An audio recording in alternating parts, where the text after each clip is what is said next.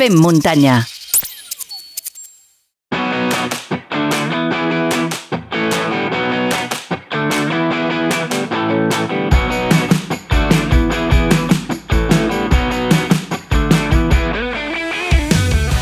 Molt content de saludar a una gran persona, a un gran corredor i ja veureu com també serà un gran organitzador de curses. Abel Carretero, benvingut a Fer Muntanya. Hola, bon dia Xavi, moltes gràcies. Gràcies a tu per estar avui amb nosaltres quan, eh, quan estem gravant aquesta conversa fa poquetes hores eh, que s'ha tornat de Transgran Canària. Primer tot, com, com estàs? Uh, bé, depèn de, de la perspectiva de la pregunta, no? Uh, D'una banda, estic uh, molt destrossat muscularment i aquest va ser el motiu que, que em va impedir acabar la cursa. I de l'altra banda, mmm, podria semblar que estic decebut, però no, no, no, no estic gens decebut. Uh, és evident que no estic content per no haver pogut acabar, però estic satisfet per, per com vaig lluitar la cursa i, i per les sensacions que vaig tindre. Uh, suposo que tindrem temps d'aprofundir una mica en aquest aspecte i, i us explicaré amb més calma. Home, doncs, eh, escolta, eh, ens hi capbussem eh, uns minuts. Eh, no, no volem... O sigui, no vull centrar tota la conversa en Transgran Canària perquè és un, una de les coses que més m'agrada no, del, del fer muntanya és que els oients puguin recuperar aquesta conversa d'aquí 3 o 4 o 5 mesos i tingui certa vigència. Clar, parlar de Transgran Canària quan segurament d'aquí 4 o 5 mesos hauràs fet unes quantes curses més, a vegades l'oient pot quedar una mica trasbassat. Però bueno, com que la majoria dels oients ens escolten eh, quan publiquem, eh, serà interessant aquesta part. Eh, durant la nit et vaig anar fent seguiment, estaves al grup capdavanter, inclús durant quilòmetres, eh, vas tirar tu sol per davant i et vaig veure finet, finet. Eh, al final, què és el que... O sigui, és, és el que tenies tu pensat? Marcar el teu ritme, marcar eh, doncs, eh, el, el teu temps? Uh, sí, aviam, la, la veritat que eh, sempre dic el mateix, no? Una cosa són, uh, és el seguiment que, que es pugui fer des de la plataforma de, de Lift Trail i l'altra és com, com es va desenvolupant la cursa. Sí que és veritat que també en el cas concret de Transgran Canària, com que hi va haver un streaming durant la primera hora, més o menys, de la nit, i després, durant la partida de la matinada fins al final, eh, es va poder veure bastant el moviment, no? Però una mica com tu deies, eh, en general es va sortir a un ritme mm, que pot semblar ràpid, però que jo crec que, que era un ritme prou còmode pel grup que anàvem al davant, perquè al final eh, som gent que entrenem molt i que jo considero que aquests ritmes els tenim bastant controlats. Estem, estem parlant que els primers 3-4 quilòmetres en pla devien sortir a uns 3,40, 3,45 al quilòmetre. Que és veritat que si n'has de fer 130, algú pot dir, ostres, on, on aneu, no? Però, però és això. Uh, normalment ens acostumem a sentir ja còmodes amb, amb aquests ritmes, i al, almenys en pla. Llavors, això, vam sortir, a la part de la platja, doncs això, no? Vas una mica tirant com pots per la sorra, perquè ja sabeu que no és gens fàcil córrer per la sorra. No, no. I després hi ha un cop eh, puges al passeig, que aquí em consta que això tot això està, surt a l'streaming, i de fet l'hem mirat estones a posteriori, i sí que és veritat que, que va ser un streaming, eh, vull aprofitar per dir-ho, de moltíssima qualitat. Collonut. L'Albert Jorquera collonut. i l'equip, mm, sí, exactament collonut. L'Albert Jorquera i l'equip d'Evasió i tota la gent que hi, que hi estava treballant fan una feina eh, esplèndida i espectacular, o sigui que vull, vull agrair-ho i reconèixer-ho. I, I bé, és això, no? Jo, això, el, el Pau, el corredor xinès, eh, l'Andreu, el Raül, jo mateix, eh, també el corredor grec, el Fotis, en, ens van posar allà davant el, el grupet i bé, jo una mica el que, el que tu deies, jo tenia els meus, els meus ritmes, tenia els meus parcials previstos i vaig sortir a un ritme que jo em sentia còmode. Llavors, quan va començar una mica el, ja el primer tram de pujada, a partir del quilòmetre 3, 3 i mig, mm, bueno, eh, estava allà davant i jo vaig anar fent el meu ritme. I què passa? Va ser una mica sense voler. No, no, no vull que soni tampoc ara presumptuós, eh? Però jo pensava que venien, vull dir que anàvem tots en filera i venien darrere. I resulta que la llum que hi havia darrere era la de la bici de, de, de, de l'streaming. d'acord? I jo em vaig adonar que m'havia quedat una mica sol, aviam, no és que els hi tragués dos minuts, òbviament, eh, cada coixos no, no, no són pas, però sí que és veritat això, no? que em vaig com avançar una mica i me'n vaig adonar amb una d'aquelles corbes que hi havia, no? uns revolts d'aquells de la carretera que puja fent zigzag, quan em vaig girar i, i vaig veure que més avall hi havia quatre frontals i dic, ostres, que m'he quedat sol. Però bé, en aquell moment penses, aviam, tampoc ara fluixaré i m'esperaré com per anar junts. Jo vaig fent i ja ens ajuntarem, perquè al final eh, tenim tota la nit i tot el dia, no? I, i em vaig trobar còmode, i vaig anar fent, i a, arribant ja a Arucas, que era el primer uh, avituallament gran on hi havia assistència externa, quilòmetre ja gairebé 20, allà ja ens havíem ajuntat tots i, i vam anar fent i vam anar passant la nit. I sí, el que dèiem, no? Mm, el, el Lift Trail es podia anar veient eh, com tots en, en un marge segurament d'uns entre mig quarts, minut i un sí, minut. Sí, molt poc, molt poc. A, a, durant, durant hores, amb un marge segurament d'un minut, vam anar passant els quatre, aquest grupet de 4 a 5. Em consta que el Pau es va quedar una mica més enrere, des de, des de bastant aviat, que, que després he llegit que, que no tenia molt bones sensacions. I bé, amb l'Andreu, el Raül, el corredor xinès i, i el grec, sobretot, nosaltres cinc, vam anar passant pràcticament tota la nit junts. Què passa també? Que aquí hi ha una cosa que, que depèn molt, que és eh, l'avituallament. Hi, ha, hi ha gent que, alguns corredors, que l'avituallament estem 20 segons, altres un minut, un minut i mig, llavors aquest decalatge de segons eh, també depèn molt de l'avituallament. I d'on està el lector? Si el lector del xip està just abans d'entrar a l'avituallament o al sortir. Llavors, eh, com a resum, es pot dir que vam anar junts fins a, fins a l'Ornillo, que era el quilòmetre 54 ja, i vam arribar amb 5 hores i poc, vull dir que és, que és veritat que el ritme va ser alt, vull dir, és que al final si, si tu vols fer el temps que va fer l'Andreu a meta, que eren les referències que jo tenia, les referències, el, els parcials que jo havia calculat per intentar fer aquest temps, és el ritme que s'ha de portar. Mm, per tant, vam anar rapidets, però, però bé, vam anar fent, vam anar aguantant. És bo, és bo i és positiu, no?, passar la nit en grup, trobo, i aquesta va ser la idea. Llavors ja arribant a Arten ara sí que ja el grup s'havia separat una miqueta, però igualment estem parlant de 4 o 5 minuts eh, entre això, 10 màxim, i això amb una cursa tan llarga no és res. Eh, ja saps tu que sí, 4 sí. o 5 minuts es perden o recuperen uh, en pocs quilòmetres si algú es despista o algú apreta una mica més, no? Mm -hmm. Llavors, fet... això seria una mica el resum. No, no, espectacular, eh? Vull dir, escoltant-te és allò que dius, eh, si has de llegir una, una, llegir una crònica ja, ja, ja ho tens, vull dir, hem escoltat sí, la crònica. Sí, una crònica escoltada seria. Però bueno, arribes al quilòmetre aproximadament 92 i aquí plegues. Eh, sí. Clar, eh, anaves massa forçat o, o, o què és el que et va passar? Aviam, um, el, el punt on vaig plegar és el, és el Garanyon, d'acord? Que mm -hmm. és un, el punt més alt de l'illa, uh, bé, o dels més alts, en tot cas, de, de la cursa. Eh, ja ha passat el Roque Nublo, quilòmetre 92, i ja portàvem 6.000 positius. Vull dir que, que, que és una cursa molt exigent, eh? I, i, de, i de muntanya, i de pendents forts, tant de pujada com de baixada. I bueno, el desgast, amb el pas dels quilòmetres, doncs tots l'anem notant.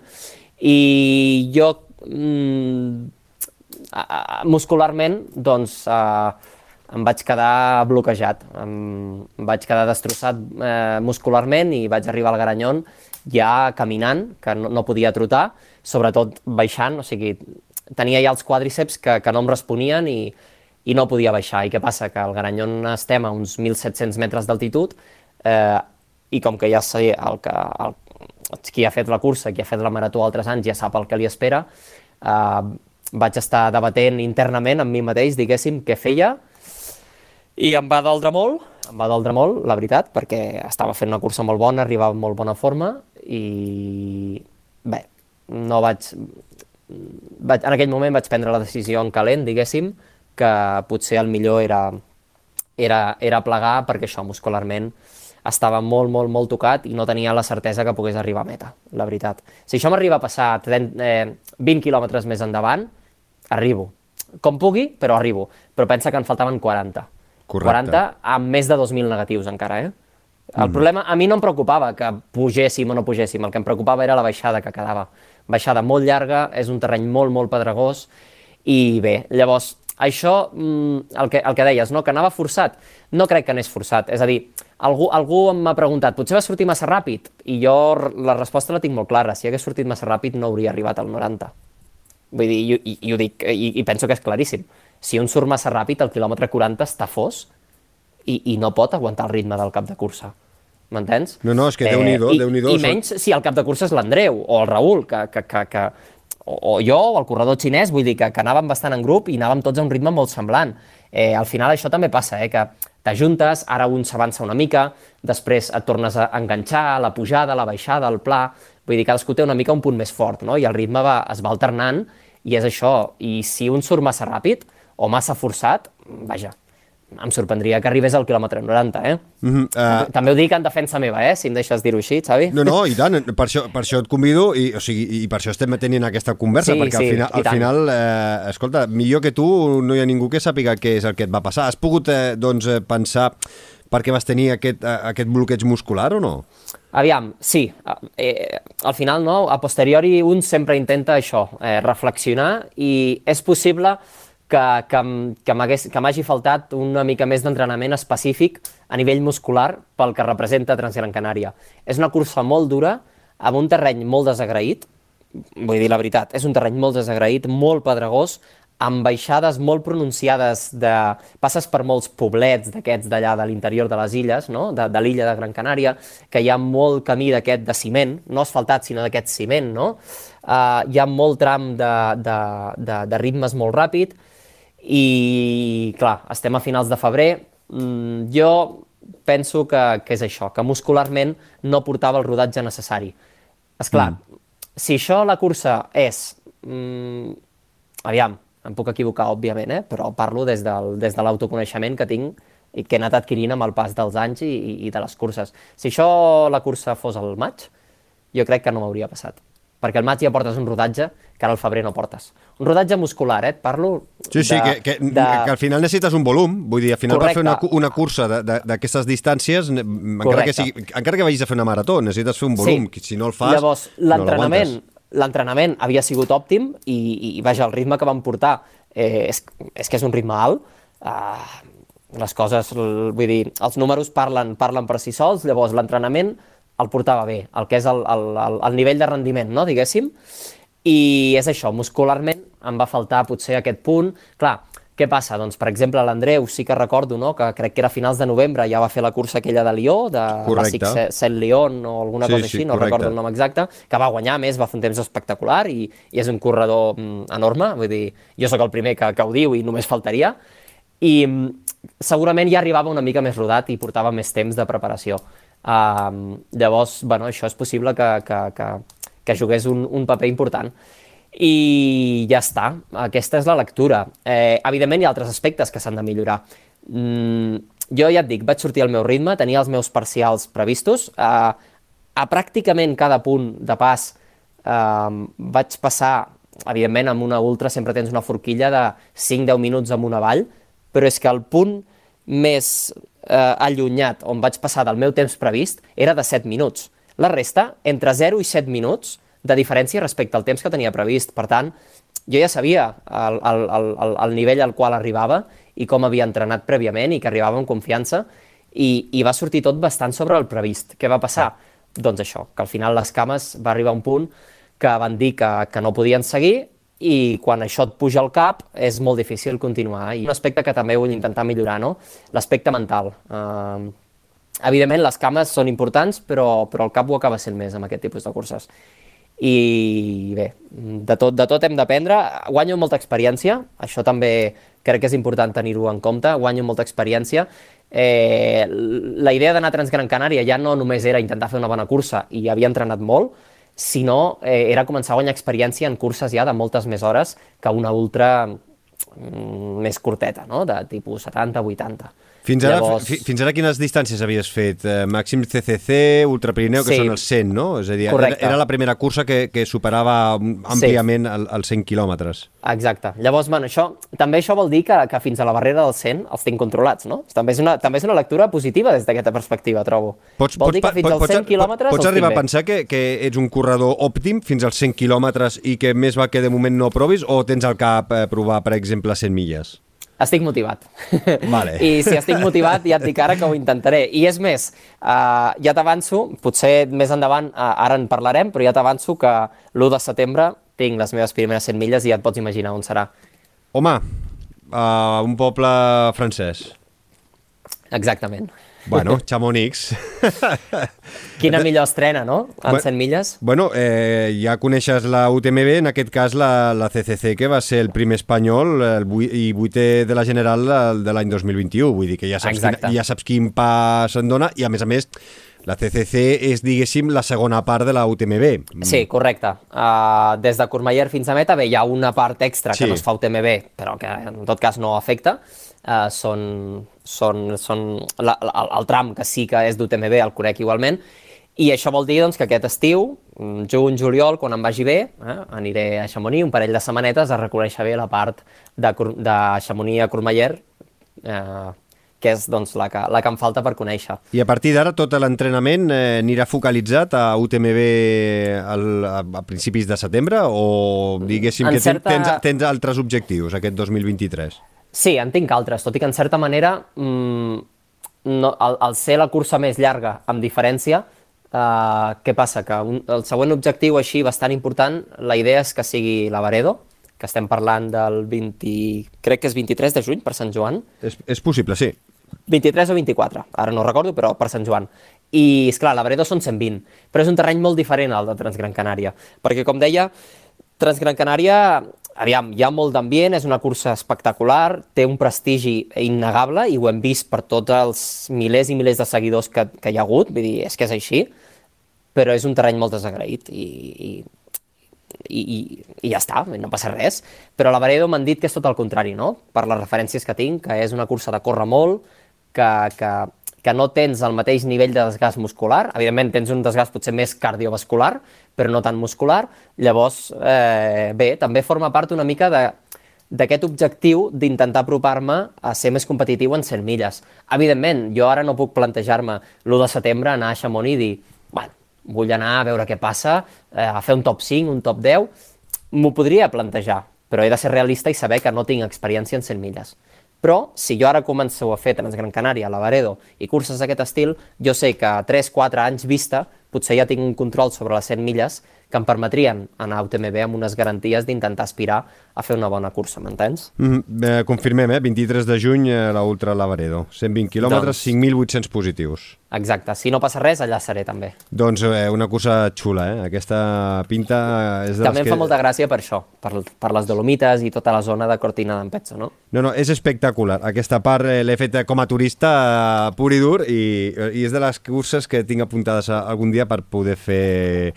A veure quan, quan es pugui, perquè a vegades és complicat gestionar feina, família i, i poder-ho fer segons en quines dates. Sí, totalment. Escolta, eh, Abel, hi ha, hi ha oients que segurament, evidentment, que et coneixeran, però segurament que hi haurà gent que, bueno, potser és la primera vegada o de les primeres vegades que escolten el teu nom.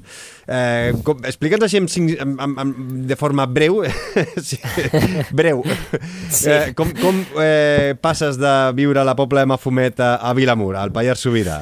D'acord, ja veig que insisteixes perquè ja, ja, ja estàs notant que, que ser breu eh, em costa, eh, de vegades. Es, estem fent un podcast, vull dir, si no t'agradés xerrar, em sembla a mi que el podcast Sí, no, seria- haguéssim seria un acabat. problema. És la, gràcia, la gràcia és escoltar-te, tu. Sí, no, i, i, i jo em poso molt podcast eh, quan surto a entrenar, vull dir que, que, que espero que molta gent també quan surt li pugui servir i, i el pugui distreure mentre estan suant muntanya amunt o muntanya avall. Doncs, eh, sí, jo sóc nascut a la Pobla de Mafumet, al, al Camp de Tarragona, i he viscut allà tota la vida perquè la família és d'allà, i, i des... me'n vaig anar a estudiar a Barcelona el 2009, quan, quan vaig fer els... Uh, quan vaig acabar el batxillerat i, i ja em tocava entrar a la universitat i bé, vaig estar a Barcelona uns quants anys, concretament 8 anys. Uh, Me'n recordo encara de, de tots els quilòmetres que m'he arribat a, a menjar per la Diagonal i per Collserola i tota la zona, que s'ha de reconèixer que, bueno, parla, si, si estàs vivint a Barcelona, doncs, bueno, tampoc està tan malament per entrenar, eh? Vull dir, les coses com són. Hi ha, bons, cur- hi ha bons corriols per aquí, per Coixerola. Ara ja Sí. està tot ma mo- molt massificat, però de ben segur Sí. que fa 10 anys era molt més tranquil que ara. Eh? No, jo sortia molts dies i no en trobava amb ningú, eh? Més que per la carretera de les aigües, algú passejant el gos i alguna BTT i poc més. Però és això, no? Eh, T'adaptes al que tens i, i ja està. Llavors, bé, el 2017 vaig acabar ja d'estudiar i tot plegat, vaig tornar a la Pobla, perquè és on, on tenia la meva casa de tota la vida i la família. Vaig estar vivint allà eh, fins al 2019, tot i que anava mig alternant eh, alguna temporada a la Pobla i alguna temporada a Vilamur, perquè aquí a Vilamur, al Pallars Sobirà concretament, eh, aquest, aquest petit poblet d'on que, que, que comentem, que és, que és on, on, on estic parlant ara mateix, doncs eh, la família des de fa molts anys que hi tenim una casa, d'acord? I jo anava alternant, una mica aquí, una mica cap allà. I al final ja vaig veure no, que, que volia intentar decantar-me una mica més eh, cap al que era més dedicació al córrer per muntanya i quin millor lloc no? que, que, que poder-ho fer el Pallars. Aleshores, mm, jo des de sempre he tingut la, la sort que, que, que he treballat sempre com a, com a autònom i he tingut això feines totes a, a distància, des de casa, d'acord? Que, que avui en dia eh, ja estic, pensa que això estic parlant de 2016, 2017, 2018, que, que res a veure amb, amb tot el, el boom que, que va originar la pandèmia, eh? amb tot el tema del teletreball, i això ja parlo tu, de tu molt ja sabies abans. de què anava el teletreball. Correcte, correcte, no em va sorprendre gens. Aleshores, eh, al final, mm, bueno, és allò... Saps una mica com quan algú es troba amb aquella sensació que es planteja, ostres, no sé això, si fer-ho no fer-ho, però jo sempre dic que en el moment que et planteges una cosa és perquè realment ho vols fer i en tens ganes. I ja feia temps que em rondava, que em rondava pel cap i al final, eh, bé, vaig decidir doncs, instal·lar-me aquí a Vilamur definitivament, a viure, i aquí és on porto ja gairebé 4 anys, entrenant, eh, amb qualitat de vida, perquè al final viure en un poble de muntanya eh, és veritat que has de renunciar a algunes coses, però guanyes en qualitat de vida i en molts altres aspectes, i aquí estic la, la mar de bé, No, no, és un poblet, supercontent. és un, un poblet eh, preciós amb unes vistes espectaculars, eh?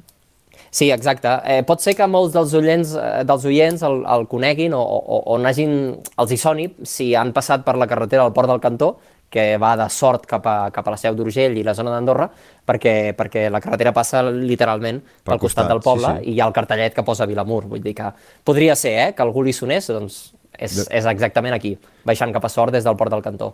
Un poble espectacular on eh, ets eh, filòleg, eh, geògraf, traductor i corrector. Amb quina especialitat et sents més identificat? O dit d'una altra manera, no? Amb quina d'elles també et pots guanyar la vida? O, o, o et guanyes la vida actualment? Sí.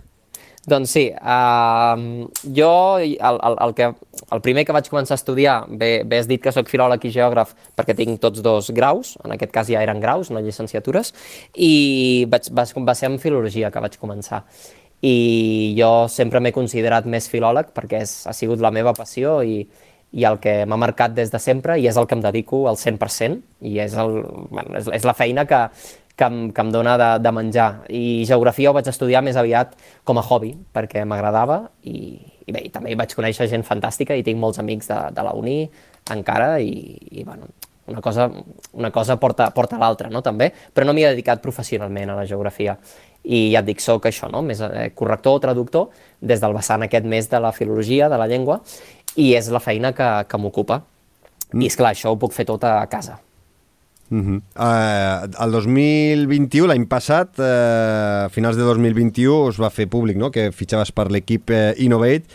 Van canviar una mica doncs, la teva forma de, no sé, plantejar-te els objectius, eh, la f- teva forma d'entrenar, el teu dia a dia, o vas continuar fent el mateix que feies abans de fitxar per l'equip eh, Innovate? Sí, aviam. Um, clar, hem de pensar una cosa. Sí que és veritat que avui en dia cada cop, i ho estem veient cada, cada any, sobretot a finals d'any, que, que hi ha més marques que estan, que estan apostant no? per, pel trail, per, per patrocinar, col·laborar, diguem-ne com vulguem, amb corredors, i, i això és bo, perquè fa créixer l'esport. Una mostra és doncs, tot el que dèiem, no? tot l'streaming aquest cap de setmana de Transgran Canària i tot això, les visualitzacions que hi ha, les marques ho veuen, no? que hi ha visibilitat, i és positiu, però de l'altra banda jo també vull fer una reflexió i, i, i està una mica lligat també a la meva experiència, que ara, que ara, que ara et comentaré com em preguntaves. Ja, I la reflexió és que mm, diré la dita en castellà, eh? no es oro todo, todo lo que reluce, no? crec que en diuen així. I tant. Uh, què passa? Que, que sí, que, que hi ha patrocinis, que hi ha contractes, jo tinc un contracte, però és clar, mm, què és un contracte professional, no? Que avui en dia es parla molt, oh, mira aquest, patrocini, tal, contracte... Aviam, no ens enganyem, mm, molt pocs corredors poden ser professionals del trail. Professionals en el sentit econòmic, d'acord? I jo això ho he dit des del primer dia. Uh, la meva situació amb Innovate va no, no, no vaig canviar res eh, del meu dia a dia, és a dir, jo segueixo tenint la meva vida, a més a més Innovate és una empresa britànica eh, que, que té la seu a Anglaterra eh, i, i fan la seva vida allà, diguéssim, i simplement doncs, tenen un parell de corredors aquí, que som l'Àngels Llobera i, i jo mateix, que, que això, no? que, que, que patrocinen doncs, també per, per tenir aquesta visibilitat en altres llocs fora del seu país eh, on tenen més quota de mercat. Però, és clar, jo ara no puc dir, ah, mira, com que tinc el, el contracte amb Innovate, deixo de treballar i em dedico només a entrenar. No, perquè tinc un contracte que em permet que no em costi diners, d'acord, al córrer, però no em permet guanyar-ne suficients eh, com per poder-me plantejar això. I estic segur que aquest, aquest context no és només el meu, estic segur que és el de moltíssims altres corredors, per desgràcia. Per tant, jo ja ho dic d'entrada, eh, no vull ara aquí vendre la moto i dir, ah, no, no, escolta'm, és que un contracte... No, no, no. no. Tinc mm. un patrocini, tinc un patrocinador, un contracte, però en cap cas eh, em paguen prou diners i, i, i no, ho dic, no ho dic per parlar negativament d'ells, eh? No, no, està Aquí clar. cadascú és una empresa i cadascú té els seus números i les seves històries i jo també he d'acceptar o no acceptar les condicions, eh? Vull dir que jo també eh, he de ser conscient del que estic acceptant o no però mm, això estic segur que és el cas de molts altres corredors. Per tant, volia fer la reflexió eh, una mica. Bueno, de i... fet, de, de fet eh, disculpa, Abel, eh, hi, ha digue'm, molt digue'm. Pocs, hi ha molts pocs corredors que visquin al 100% de, del trail, eh, Exacte, que, que, no, que no hagin de fer res més, ja sigui perquè tenen una consulta de fisio, de, de fisio ja sigui perquè plane, planegen doncs, no, planifiquen entrenaments, ja sigui sí. perquè tenen eh, feines que no tenen res a veure amb, amb, amb l'esport. Vull dir que mm. eh, és veritat que eh, la major, si agaféssim els, eh, els corredors doncs, que el, el top 10 de segons quines curses, veuríem que eh, 100% d'èlit, diguéssim 100% doncs, professionals que només es dediquen a, a córrer, doncs n'hi ha pocs. La resta, doncs, com ah. tu, has de fer altres feines que eh, per això has estudiat i, i, i, i que doncs, també t'ajuden a, a arribar a final de mes. Sí, exacte. Eh, eh, aviam, jo tam també penso que, que, que si jo hagués de ser 100% professional, potser, potser em costaria, no? Perquè al final el dia té 24 hores i de les 24 hores no n'estem entrenant 8. D'acord? És veritat que et pot ajudar a descansar millor, a, a viure més tranquil, sense tant d'estrès, diguéssim, no? Però també, també és bo eh, tindre altres ocupacions. El que passa que jo, no, jo volia remarcar, Xavi, més que res des del punt de vista que no ens deixem enganyar pel, pel, pel, pel que poden dir alguns o per les aparences de fora, mm -hmm. que quan algú diu, no, és que el meu patrocinador, sí, d'acord, patrocinar vol dir, doncs, que et donin el material, que, que, que, que et paguin, que tinguis unes primes per resultats, també, com tinc jo, i, i molts altres, però que, que no confonguem les coses. Mm. Uh, I al final, ei, cadascú pot... Algú, si té l'oportunitat, per exemple, recordo que va ser el cas, eh, deu fer un parell d'anys, del Pablo Villa, no? quan va entrar a Adidas, que ell va tindre l'oportunitat de ser professional i va tirar per aquest camí però podria, podria haver dit, ah, doncs mira, a mi pel que sigui no m'interessa, o, o, el, o el propi Andreu, que si no m'equivoco, um, té un molt bon contracte màssic, segurament, desconec, desconec xifres, eh? per tant no, no, no, no puc opinar sense saber-ho, però suposo que és un bon contracte, està guanyant curses amb, bones, amb bons premis econòmics, Transgran Canària la primera, i, i tot i així té la seva feina amb una, amb una jornada laboral que no és completa però que treballa unes hores i tal i segurament també li va bé per, per, per estar més per estar ocupat a banda del que és entrenar, perquè al final també, ostres, al cap del dia tampoc pots estar jaient al sofà, no?, quan no mm. entrenes. Mm -hmm. eh, Llavors, és això. Tu fins, quan, eh, fins quin any tens contracte amb Innovate? Eh, L'anem renovant any a any. Ah, va, uh, és, eh, o sigui, depèn dels resultats o depèn de que tots Bé, dos estigueu d'acord, diguéssim? Sí, sí, és una mica... Aviam, jo si depengués dels resultats, Xavi, amb, tota, amb, tota, amb, tota la, la, amb tot l'autoconeixement, diguéssim, i, i tota la, la confiança, jo et diria que potser enguany podria no ser-hi, perquè l'any passat vaig tindre una temporada dolenta, uh, no, no dolenta sencera, però sí una, una època dolenta en, que va coincidir amb, amb l'estiu, bàsicament, eh, per, per diversos motius de, de salut al principi, que jo crec que es van anar allargant, però bé, això són hipòtesis i mai ho arribarem a saber del tot. I, i al final mmm, vaig tenir una època que el rendiment no va ser el que jo esperava i no va ser un rendiment òptim tenint en compte d'on venia o les curses que havia fet el 2021. Llavors, bueno, ells estaven igualment contents. Uh, penso que més enllà dels resultats hi ha, hi ha el compromís.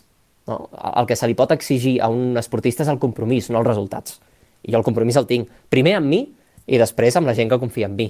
Llavors, eh, jo sóc un, un, un esportista que entrena tot l'any, que, que, que està sempre motivat amb els objectius, eh, té moltes ganes d'entrenar, de millorar, d'aprendre coses, i jo intento sempre doncs això, no? donar el 100%, entrenant, competint, quan surt, surt, i quan no surt, no surt, perquè al final el cos no és una màquina perfecta i li, hi poden passar 50.000 coses. Lesions, et poses malalt, agafes el Covid, que és el que em va passar justament l'any passat i crec que el vaig arrossegar un temps. Bé, coses d'aquest estil. Aleshores, a finals d'any, ells em van dir això, no? Escolta, volem que segueixis perquè, bueno, estem contents, al final és això, no? També dono visibilitat a la marca en un, en una, en un mercat com el català i l'espanyol que, que ells potser no hi arribarien sinó d'una altra manera, o els, cost, els hi costaria més fer-ho, i ja està, i vam, i vam quedar així, i ara aquest 2023, doncs de moment eh, seguiré, i l'any que ve, doncs, ja ho veurem. Vull dir, al final eh, és això, no?, que si els dos ja estem d'acord d'acord i ningú diu el contrari, s'entén que, que de moment la relació eh, continua, no? Ara deies, el 2022 potser no va ser el teu millor any, ho has, dit, ho has dit ara, ho dius també a les teves xarxes socials, però bueno, tot i això, una quarta posició al Campionat d'Espanya Ultra de la RFA, un cinquè al Campionat d'Espanya Ultra de la FEDME, una novena posició Ultra Pirineu... Uh, Déu-n'hi-do, sí. clar, però és que el 2021 vas quedar vuitè a la CCC, tercer a la Penyagolosa Trail, quart a la Campionat d'Europa de Skyrunning eh, Ultra ISF. Creus que el 2021, diguéssim, parlant així de, de carrer, no? Ho vas patar o què? Mm... I va ser una miqueta la clau perquè eh, eh, Innovate es, fixe, es, es sí. fixessin amb tu? Eh, Innovate es van fixar amb mi concretament a Chamonix. Això sí que ho sé de primera mà perquè els hi vaig preguntar amb el vuitè de la CCC. Saps què passa? I ara això... Jo un dia, un dia parlant amb el Raül Botassi, que, que som molt amics, i, i, i bé, ja ha sigut un dels protagonistes de Transgran Canària, eh, justament.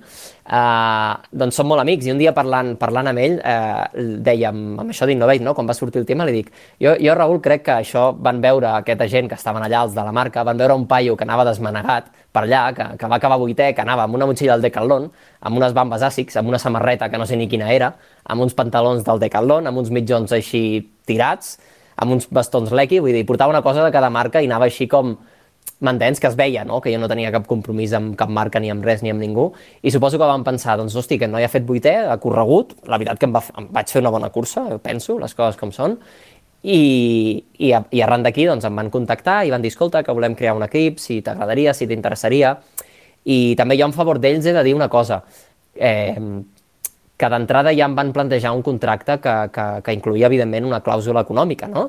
Perquè també, i això és per tocar una mica el crostó a, a certes marques, eh?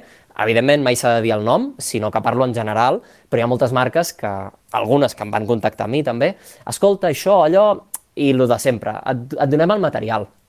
Home, jo, aviam, no, no, no parlo malament de ningú en concret, però, perdona, hosti, és una falta de respecte, eh? jo penso que a un corredor que té un cert nivell, eh, jo sé que no sóc el Kilian, perquè el Kilian només és ell, mm -hmm. i mhm. ningú ho és, a banda d'ell, però, hosti, un corredor que acaba de fer vuitè a la CCC, que, que, que ha rendit molt bé en moltes curses, que després fa el podi a Penyagolosa, que són curses de nivell.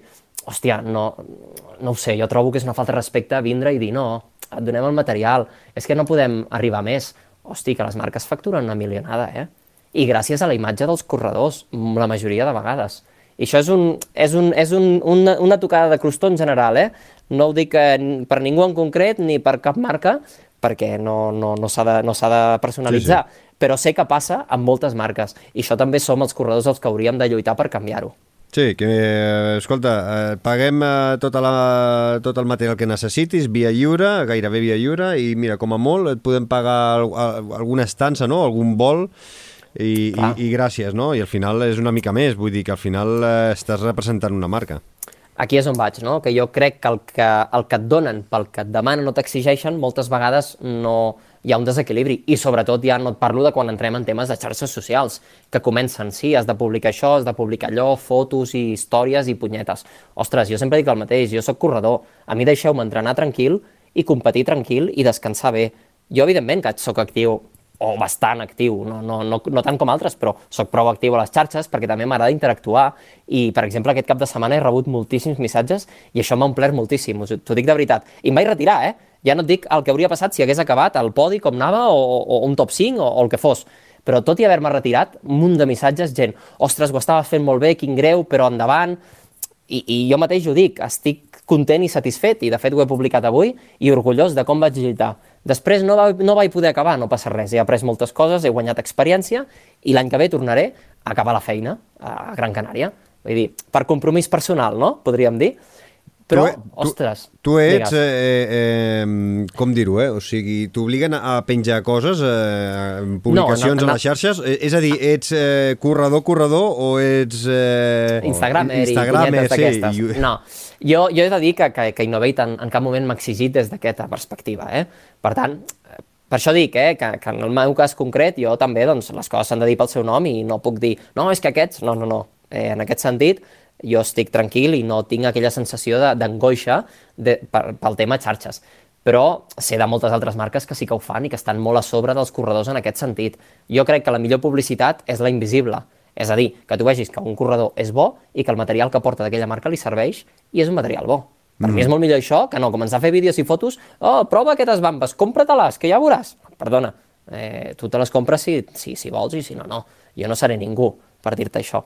Però en aquest sentit, eh, jo ho deia des de, des de la perspectiva que la nostra feina ha de ser córrer i entrenar. Que després algú a les xarxes, jo m'agrada compartir coses i reflexions, i la publicació que he fet avui justament de Transgran Sí. Canària, diverses reflexions, no per res, sinó perquè jo també entenc que la gent pugui esperar saber què penso jo de la cursa, o què ha passat, o com veig el tema. Per això deia, no? He sortit massa ràpid? He dit, penso que no. Um, què ha passat? Que muscularment potser m'ha faltat preparació específica. Um, i, I dic, i ara què farem? Doncs ara no farem res, ara continuaré treballant i continuaré, continuaré entrenant perquè estic encara més motivat. Perquè he vist que tinc un ritme i un, i un nivell de, de rendiment que, que em pot permetre somiar amb estar allà davant la propera cursa si arribo doncs, amb millors condicions musculars i amb, algun, i, i amb més rodatge que el que portava ara, que s'entén que el mes d'abril, el mes de març, eh, de maig, el mes de juny, que serà la Varedo, hauré pogut entrenar més, portaré més hores i muscularment estaré ja molt més preparat per afrontar eh, una cursa amb aquestes exigències. Mm. Llavors és això, jo a les xarxes m'agrada compartir reflexions, eh, no m'agrada eh, fer publicitat, a més que no ho sé, jo trobo que això de les xarxes de vegades a alguns eh, els hi marxa de les mans, eh? també t'ho dic. Mm -hmm. Escolta, una de les coses que, que m'ha sorprès, bueno, m'ha encuriosit, eh? l'any passat vas participar al Campionat d'Espanya d'Ultres, eh, tant de la FEDME com de la RFA, no? Creus que per ser el millor d'Espanya eh, en la categoria Ultres de fer bons resultats en les dues proves, en les dues federacions?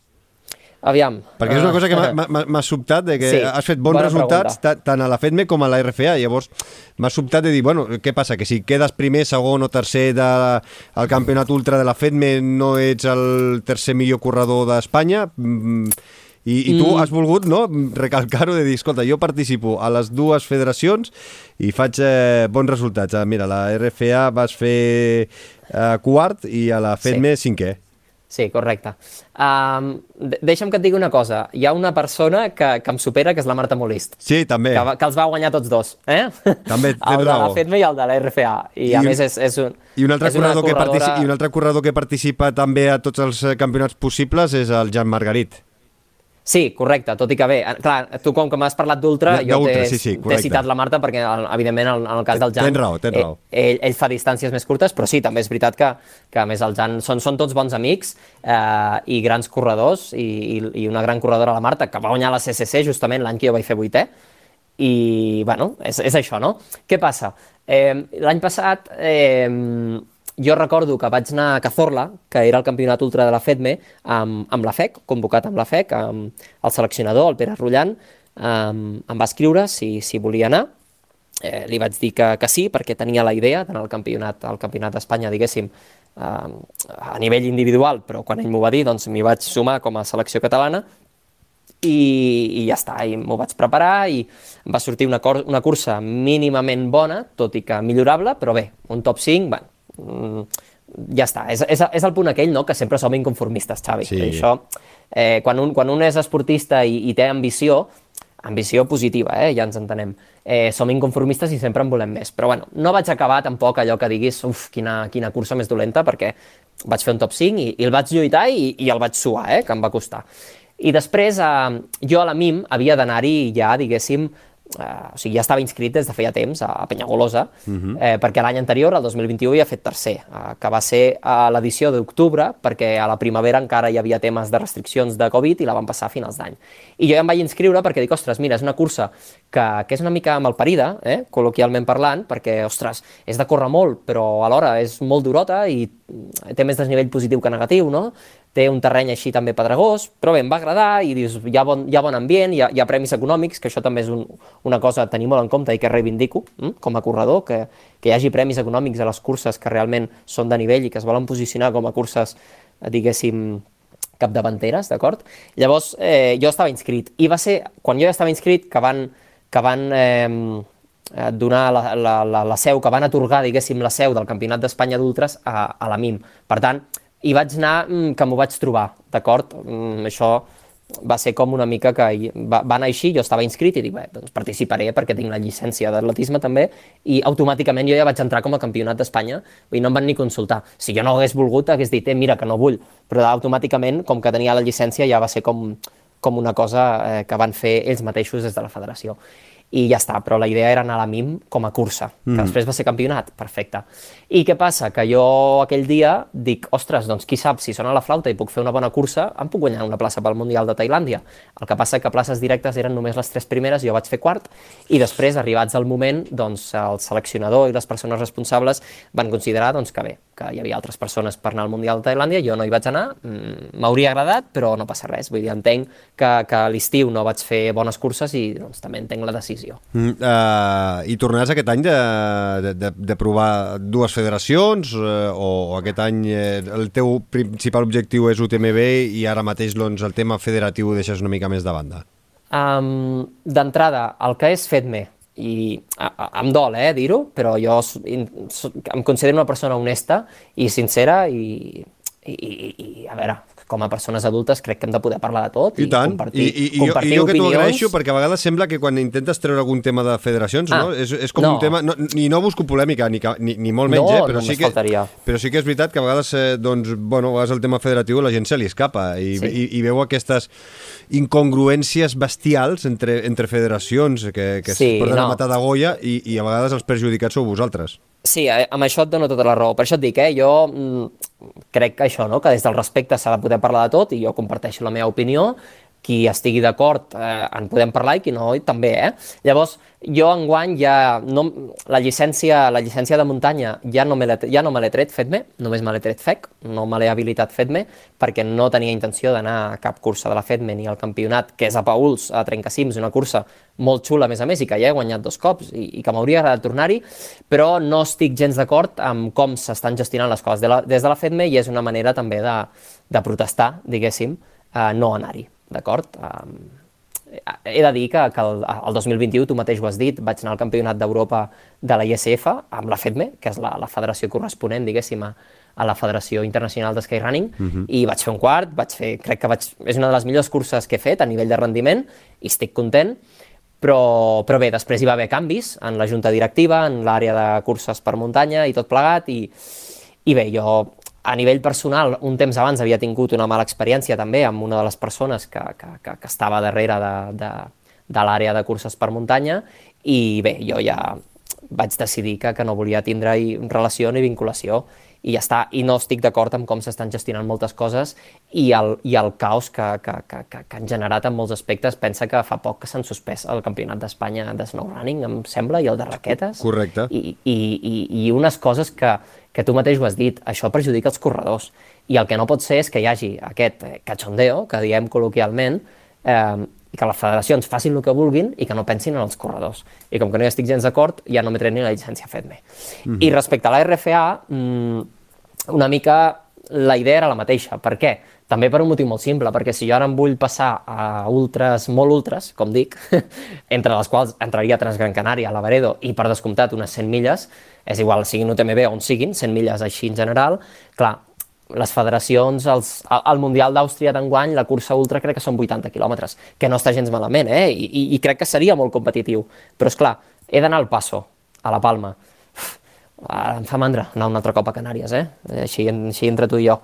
Bé, entre tu i jo i entre tots els oients tots. que ens escoltaran, eh? Ja m'entens. Eh, i, i, va, i hi vaig cada any un o dos cops o tres, anar a la Palma val molts diners, um, la federació tampoc, um, el nivell de suport que té als corredors és, és poc, o com a mínim, en el meu cas, ha sigut o molt poc o nul, llavors, clar, jo tampoc tinc la certesa que després puguin al Mundial. Evidentment que he de fer una bona cursa, crec que la podria fer, però, ostres, mm, al final les federacions sempre, sempre van igual. Sí, sí, sí, és d'anar aquí, has d'anar allà, la cursa, no sé què, però a l'hora de la veritat, sota, i, i no vull entrar en polèmica, eh, però ho penso, sota la idea aquesta de criteri tècnic, després acaben fent i desfent una mica el que els hi sembla. Ah, no, no, jo he convocat aquest, aquest al Mundial per criteri tècnic, uh, aquest per criteri... Ostres, hi ha molta gent, eh? eh i, I també tinc una cosa, que passi això és molt positiu, perquè vol dir que estem en un, en un dels països on hi ha més nivell del món, i això ho sabem tots, i costa molt guanyar-se una plaça, perquè Evidentment, en, en qualsevol altre país sense aquest nivell, um, el, el, el punt de rendiment que, que tinc jo i gent potser d'un rendiment semblant uh, seríem fixos, no?, que es diu, potser amb la selecció, però aquí no, hi ha més competència i és molt bo perquè ens obliga a millorar i entrenar més a tots. Però després, a l'hora de la veritat, veus que passen algunes coses que no acabes d'entendre i jo no tinc ganes d'esforçar-me d'aquesta manera perquè després potser eh, hi acabi en un altre que en aquell moment mm, jo penso que, que, que, que potser no té el meu, el meu punt de forma, però hi acaba anant. Doncs bé, una mica aquesta seria la resposta. Surt una mica més a compte, diguéssim, anar a curses privades, no? circuits privats, que no a curses de federacions. Sí, i a banda també hi ha el tema aquest de distància que et deia, eh? Que si ara m'està motivant més intentar fer curses una mica més llargues, que no pas això, no? curses ultres així més de 60-80 quilòmetres, que són doncs, això, la, els campionats d'Espanya i, i la cursa del, del Mundial Ultra d'Innsbruck, que serà al juny. Ei, també dic que consti, eh? que, que, que em diuen, ei, Abel, que ens agradaria que vinguessis, o, o, o què et sembla tu, o, o això. Jo no em tanco la porta a res, eh? però sí que dic que, D'entrada jo... Parlem-ne, sí, primer de tot parlem-ne. Sí, el tema, el tema de jo ja involucrar-me per intentar treure'm la plaça, doncs no, no m'ha acabat de, de motivar i de fer el pes i de moment enguany la idea seria, seria aquesta. A veure, mm, vull parlar de la cursa que, de la qual estàs tu involucrat com a director tècnic, ara en parlarem, uh -huh. però clar, una de les coses que encara no he parlat amb tu, eh, com és el teu dia a dia, des de que et lleves fins que et vas a dormir, eh, quantes hores eh, diàries i setmanals li dediques a córrer, quan, quina distància doncs, estàs fent de mitjana, desnivell aquestes coses que a vegades als oients ens agrada escoltar, no? dels que esteu sempre sí. al capdamunt i, evidentment, mai doncs, eh, un mortal com jo o com el 98% dels oients que escolten el Fem Muntanya Uh, doncs uh, no arribarem mai, eh? però sempre ens fa gràcia, no?, de dir, ostres, és que, clar, sí. uh, per arribar a quedar un top 5, un top 10 de segons quines curses, doncs, clar, cal córrer això, cal fer això, cal... Com, sí. com és un dia de dia de, de Bel Carretero?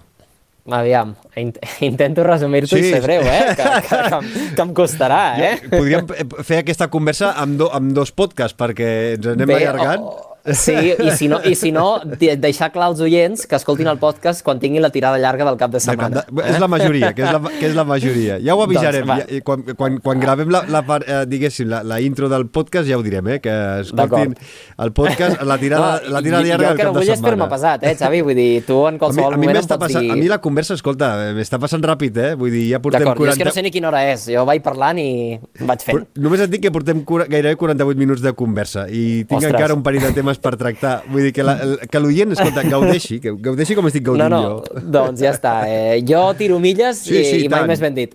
Doncs escolta, no, mm, el meu dia a dia jo el definiria com bastant simple. Uh, tinc la sort, com deia, no, de la meva feina. Uh, el, el fet de ser autònom i treballar a casa fa que no tingui uns horaris concrets, tinc molta flexibilitat, és veritat que, aviam, la feina s'ha de fer i quan en tinc, en tinc i s'ha de treballar, que, que, que aquí ningú regala res. Però és veritat que m'ho puc muntar molt a la meva manera. Llavors, jo normalment, no és el mateix a l'estiu que a l'hivern. A l'hivern què faig? Doncs a l'hivern m'aixeco bastant d'horeta, normalment encara és de nit, cap a quarts de set, les set, treballo fins a mig matí i després surto a entrenar, perquè, clar, aquí al Pallars, evidentment, depèn molt de, de, del dia o de, o de com tinguem les temperatures, però en general molt de gust sortir a córrer a les 8 del matí no ve, no, no, no, no, a l'hivern mm -hmm bueno, fa fresqueta. Eh? Llavors eh, surto a mig matí a entrenar, a, a córrer, a fer una mica d'esquí de muntanya, que normalment vaig a pistes, eh, després, ara, ara explicaré per què, o, o fins i tot si fa bo, que també hi ha dies del gener, quan hi ha anticicló, que, que a Lleida i tota la plana de Vic amb la boira fa fred, però aquí dalt fa molt bo, justament, amb el sol, eh, surto amb la bici fins i tot. Ben tapadet, però es pot, eh? Vull dir, també és veritat que, clar, tinc la carretera al Port del Cantó que, que toca el solet a tot arreu, menys algun revolt molt puntual. Llavors, això s'agraeix. Per què deia que, que faig esquimó i pujo a pistes? Eh, per dos motius molt simples. Perquè vaig sol, i per motius de seguretat no, no vaig a alta muntanya, perquè evidentment pots tindre un accident i si perds la consciència pel que sigui, et dones un cop al cap, eh, doncs evidentment ja no et troben i ja no et trobaran, et trobaran a l'estiu, eh, quedaràs sí, allà. Sí, tant. I, I segon, perquè des del punt de vista de l'entrenament eh, aeròbic, diguéssim, evidentment a pistes pots tenir una cadència molt uniforme i un, i un punt, i un punt de, de pulsacions i de ritme molt constant, cosa que alta muntanya no, no, no, no pots, eh, per, per, per qualitat de la neu, per, per, per pendent, per, pel que sigui. Llavors, a alta muntanya hi vaig quan vull un dia, diguéssim, de disfrutar, que no sigui entrenar des del punt de vista de rendiment, no? Però bé, això. Llavors, el dia a dia és, és simple, faig això. Arribo, dino, faig una mica migdiadeta, si puc, i, i si tot va bé, i a la tarda continuo treballant una miqueta. Uh, si no tinc molta feina, doncs potser treballo 5 o 6 hores al dia, 4, si, si, si puc anar tirant amb, amb, amb, amb aquesta dedicació. Si tinc bastanta feina, doncs home, puc arribar a treballar 9 hores al dia tranquil·lament. Al final és el que dic, eh, jo m'he de guanyar el sou igual que tothom, eh? encara que, que treballi a casa i no tingui horaris, eh, el còmput d'hores, clar, jo segmento durant el dia, treballo primera hora, treballo potser una mica al migdia o primera hora de tarda, després surto a passejar amb el gos, que tinc un gosset, sortim a passejar, que fa solet, i després al vespre nit torno a treballar una estona. Vas sumant i surten unes horetes. I això a l'hivern. I a l'estiu sí que és veritat que surto a entrenar més aviat, perquè després fa calor, i, i em puc passar tot el matí entrenant, dino i treballo a la tarda. Uh, això és un dia a dia bastant estàndard. A nivell setmanal, depèn molt de l'època de la temporada, però sí que és veritat que ara enguany, que ja estem preparant ultres bastant llargues, eh, segurament una setmana així estàndard ja, ja ens apropem a les 20 hores. I setmanes de molt volum passem de 20 hores. Mm -hmm. Però, és clar, és el que diem, si et vols plantejar ser competitiu en curses eh, de més de 10, 12, 15 hores, com, com serà el cas d'unes 100 milles, eh, bé, doncs s'han de, de fer, les hores s'han de fer perquè si no el cos després no, no ho aguanta, no? I també faig molts exercicis de, de, de, de gimnàs, no? de força, de core i tot, i tot, aquest, eh, tot, tot, tot aquest tema que, que reforça el que és el córrer i que és superimportant com a prevenció de lesions, i, i, com, a, i com a millora del, del, del rendiment també i de la tècnica i tot plegat. Tens entrenador o entrenadora o no? Sí, correcte. Sí, sí, sí. Ja fa, ja fa bastants anys que, que, que vaig començar a, a entrenar amb, amb entrenador. He, he canviat un parell de vegades per, per, pel que sigui, no? perquè no, no, no m'he no acabat d'adaptar, perquè em vaig lesionar, per exemple, també, i, i jo ho vaig associar al, a la, a la, al mètode d'entrenament que tenia en aquell moment, i ara ja fa bastant de temps, mira, concretament, des del juny, juny del 2021, si no m'equivoco, que, que vaig anar a la Tenerife Blue Trail, eh, al Campionat d'Espanya de la FEDME justament del 2021, i mm, d'ultres també. Vaig fer la cursa de 73 quilòmetres, uh -huh. i, mm, i a partir d'aleshores vaig començar a entrenar amb el Rogelio Macías, que, que és amb qui encara entreno ara, que és, potser algú li sona el nom, és ex eh, seleccionador de la FEDME, justament, i, i també era el, el, el cap de l'àrea de, de curses per muntanya i del seleccionador juvenil durant bastants anys. Ara ja fa temps que no. Mm -hmm. I la part nutricional també la treballes o, o, o ets una sí. mica alma una mica com la Courtney, com la Courtney sí. de Walter, no? Que tothom, tothom eh, aquest cap de setmana també ho, ho, ho comentaven, eh? Sí. La cervesa, les pizzas, vull dir que fa una mica així eh, el que vol. No, és veritat, és un aspecte que jo intento, intento controlar i cuidar al màxim. Evidentment, el dia que em ve de gust un capritxet, doncs com tothom també ens l'hem de permetre, encara que sigui més psicològic que, que, que real físic, no? l'efecte. I, I sí, amb, amb, el, amb, el, amb el Xavi Sebastià, que, que, que és qui, amb qui ara mateix estem treballant aquest aspecte, sobretot jo el que més eh, m'interessa de la nutrició és el dia a dia, no? Després, a l'hora de planificar les curses, cada cop tinc més autoconeixement, tinc més experiència i intento ser cada vegada més autònom tot i que és veritat que li pregunto coses, Xavi això, Xavi allò, vull dir, al final, el, eh, pel dia a dia sí que és veritat que tinc molt les seves pautes, sobretot amb quantitats de menjar que necessito en funció del que entreno, perquè al final eh, tots ho sabem, no? Com, mm. És com un cotxe, com més corres, eh, més cremes, és el mateix.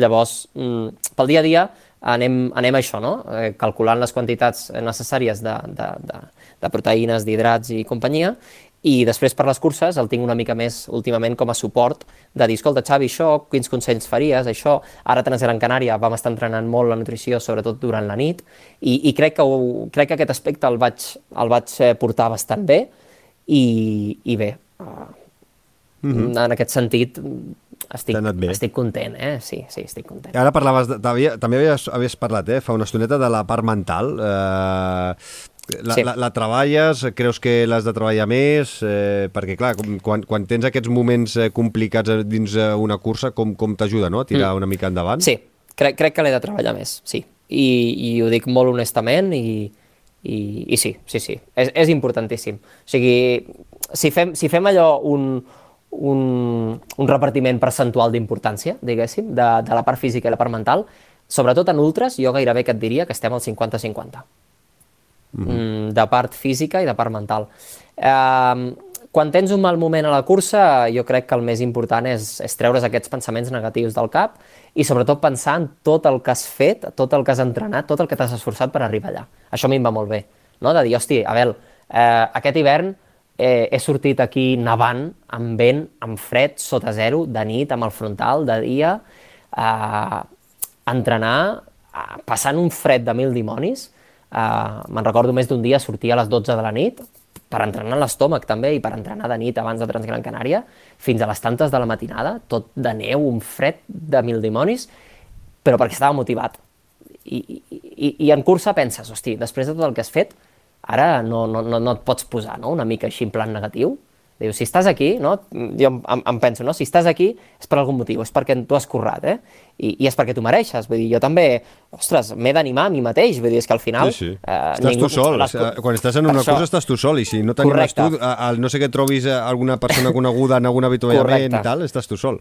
Correcte, no? Llavors, eh, és un aspecte molt important, eh, la, els avituallaments en una ultra, ara que ho dius. Eh, vaja, importantíssim. Jo tenia assistència a Transgran Canària, personal, per sort, i, i de fet, tant a la Varedo com a UTMB, tot, com a totes les ultres, eh, ja, vull dir, tinc tancada l'assistència, diguéssim, o pactada, per entendre'ns, eh, i, i, i, ja, i, i ja hi confio, perquè Uh, és, una, és super positiu quan tu arribes a un avituallament i saps que t'està esperant allà la persona que et fa l'assistència, ja no només perquè et doni menjar o beure i, i, i agafis el que necessites, sinó per l'aspecte de, de trobar-te amb la persona i, i, i que et pugui donar aquests ànims i, i aquest punt de, de fortalesa mental, no?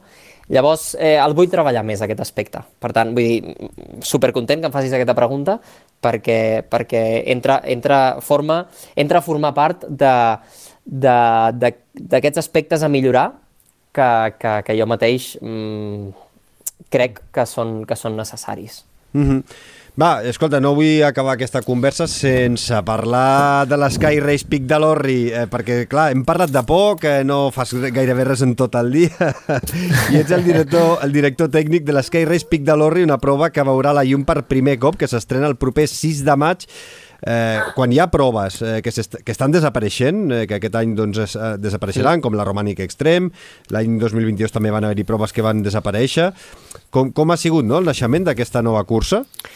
Sí, doncs uh, és veritat, eh? eh hi, ha, hi ha gent, al principi de tot, quan, quan va sortir el tema i jo els deia, sí, escolta, que Vilamur farem això, tal, hi ha gent que em va dir, estàs boig, literalment, eh? No saps on et fots. Més d'un m'ho ha dit, eh? Sobretot gent que sap que està a l'organització de curses i això. I, i bé, la, la idea va ser va ser, ha sigut idea de, de l'alcalde d'aquí, de l'alcalde de Soriguera, en aquest cas, que és el municipi al qual pertany Vilamur, d'acord?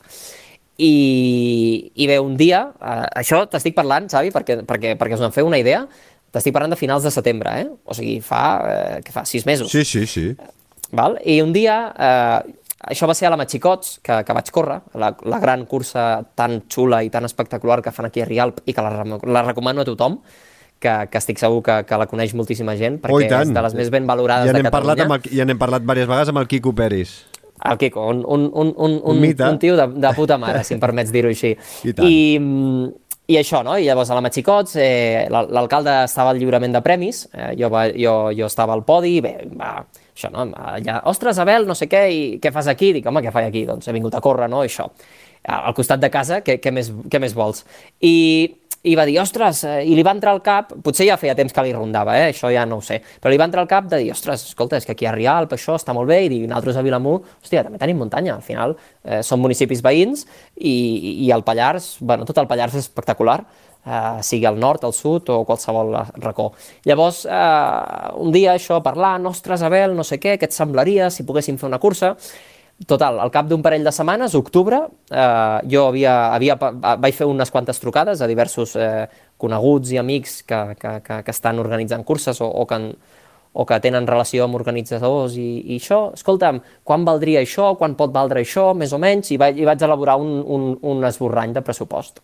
Perquè clar, al final, si sí, l'Ajuntament sí, vol organitzar una cursa, el primer que calen, com, com tota la vida, és diners. I, I res, i ens vam trobar al seu despatx i li vaig portar un pressupost d'uns quants milers d'euros, eh? perquè val dinerons fer això, com tots sabem. I, tant. I, I va dir, doncs, escolta'm, em sembla perfecte, tirem endavant. Va ser així, eh? No, no t'enganyo. I això estic parlant de l'octubre i, i ara estem, que, que tenim la cursa el 6 de maig, o sigui, imagina't.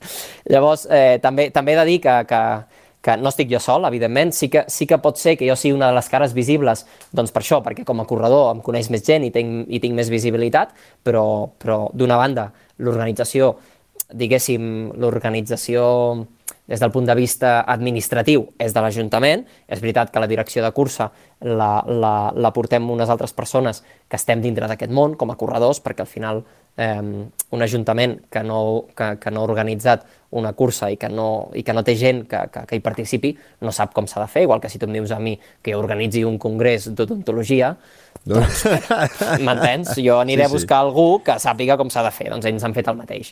Eh, llavors, és això. I, i hi ha, i hi ha un, un altre corredor també mm, que, que fa moltes curses, que també és, és, és prou conegut aquí a Catalunya, que és el Nil Bacardit, mm. que justament a, a l'agost va vindre amb la, seva, amb la seva xicota a viure aquí a Vilamur. Casualitats de la vida. Volien vindre al Pallars, van trobar un, un piset aquí superxulo i ara estan vivint aquí. I clar, al final eh, s'han cigalat i ara estem tots tres, la Laura, el Nil i jo, eh, muntant la cursa des del punt de vista tècnic, logístic i tot plegat. I, i ens fa molta il·lusió. Ens, vaja, no, no mal m'està el dir-ho bueno. a mi, però ens ho, estem, ens ho estem currant moltíssim i volem fer una, una festa, no només una cursa, sinó també una festa, i a més literal, perquè a la nit farem un concert, aviat anunciarem el grup, que ja el tenim tancat, eh, un concert i una mica de festa, i que la gent, quan marxi de Vilamur, tingui la sensació que, que, que s'ho ha passat bé i que té ganes de repetir. I a banda, la muntanya, tenim un territori espectacular que el mes de maig estarà mm, per lluir, però que farà goig en plena primavera ves i el Pic de l'Orri com, a, com a escenari. I, I vés a saber si encara trepitjant una mica de neu a dalt del Pic de l'Orri. És possible. Eh, dependrà molt de, de, la, de lo calorós que sigui l'abril, però és possible que a l'Orri... Jo, mira, l'any passat mateix, eh, l'hivern passat, a, a finals d'abril encara estava esquiant a dalt del Pic de l'Orri. Vull mm. dir que és, és possible que encara s'enxafi i això li dona un, un toc més divertit, no?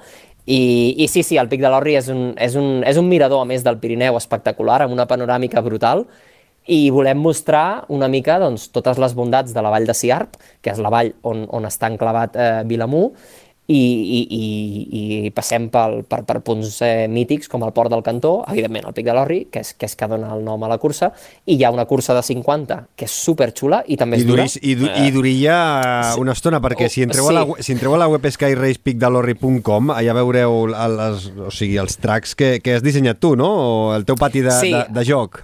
Sí, jo, jo, jo, jo vaig estar eh, pensant als recorreguts amb, amb el Nil, que, que ja portava aquí un parell de mesos i ja començava a conèixer els caminets i això, vam acabar de fer algun retoc i tot plegat, i hem dissenyat un recorregut molt xulo, jo crec que superatractiu i dur, perquè més hi ha, un, hi ha la pujada directa des de Sort al Pic de l'Orri, que són gairebé 1.800 metres positius, eh, per tant, agafeu-vos fort, I, i sí, és un recorregut molt xulo i jo crec que espectacular, i tal com estarà la vall i la muntanya a principis de maig eh, es, es podrà gaudir moltíssim. Escolta, 50 Llavors... hi ha tres distàncies, 50 quilòmetres i 3.500 positius acumulats, 25 quilòmetres i 1.500 positius acumulats. En totes dues distàncies es puja al Pic de l'Orri i després hi ha la caminada popular de 11 quilòmetres i 400 positius. Aquí, aquest, evidentment, no, no puja a Pic de l'Orri, aquest dona una volteta a la vall sí. de, de Siarp.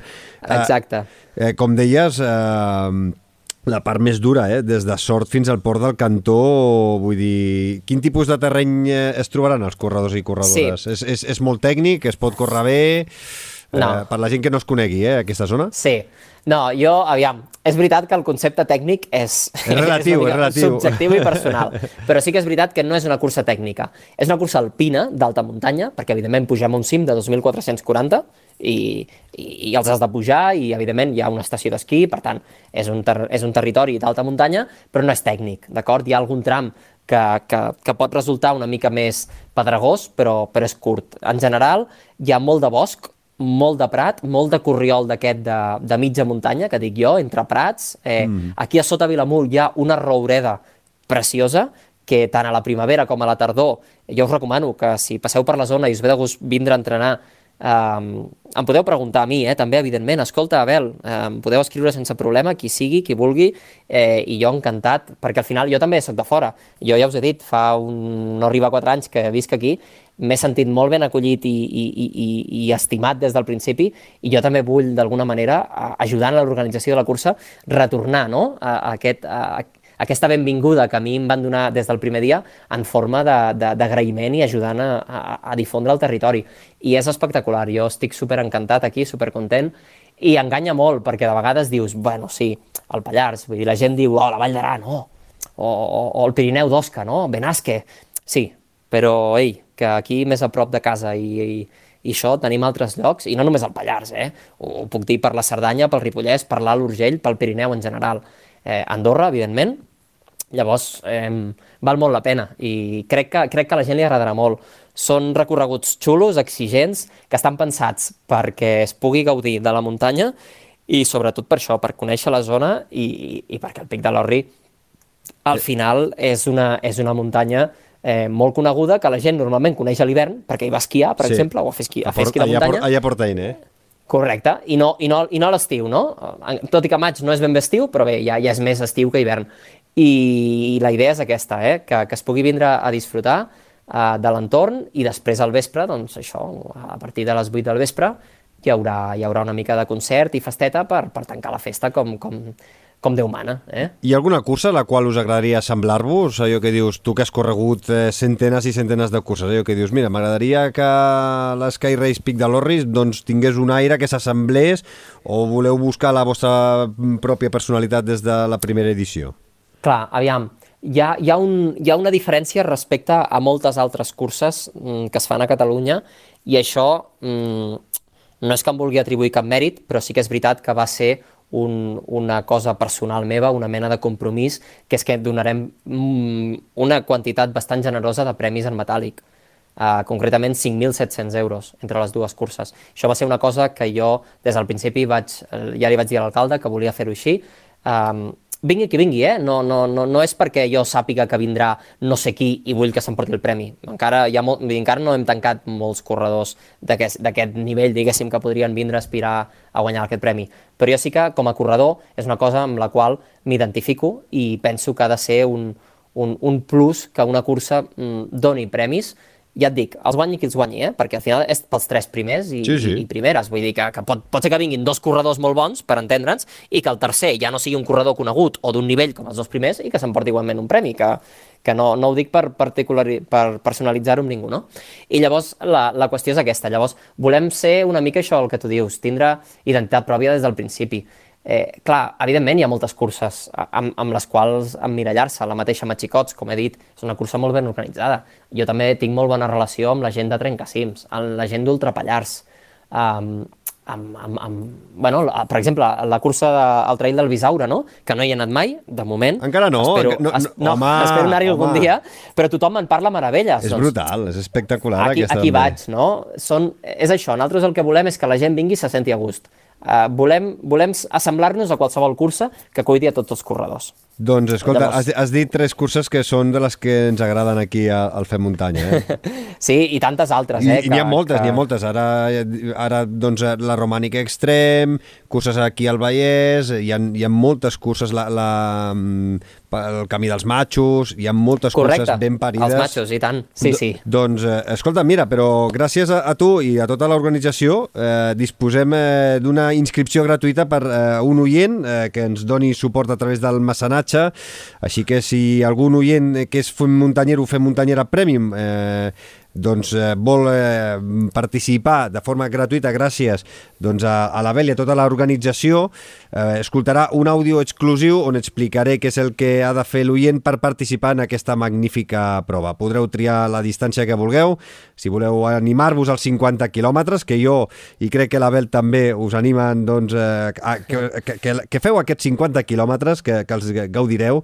Si no, doncs teniu l'opció dels 25 quilòmetres o la caminada de 11 quilòmetres. Teniu temps des d'avui dijous 2 de març, que és el dia que publiquem el podcast, fins al proper dilluns 13 de març. I donarem el nom del guanyador o guanyadora en el proper Fem Muntanya número 84 que publicarem el proper dijous 16 de març. Si encara no sou mecenes, ja ho sabeu que ens ajudaríeu molt si ens donéssiu el vostre, el vostre suport a través del mecenatge i per tan sols un euro amb 99 cèntims fareu que el podcast continuï endavant amb converses tan interessants eh, i tan entretingudes com la que estem tenint avui amb l'Abel Carretero. I us donem eh, també la possibilitat de guanyar inscripcions o material.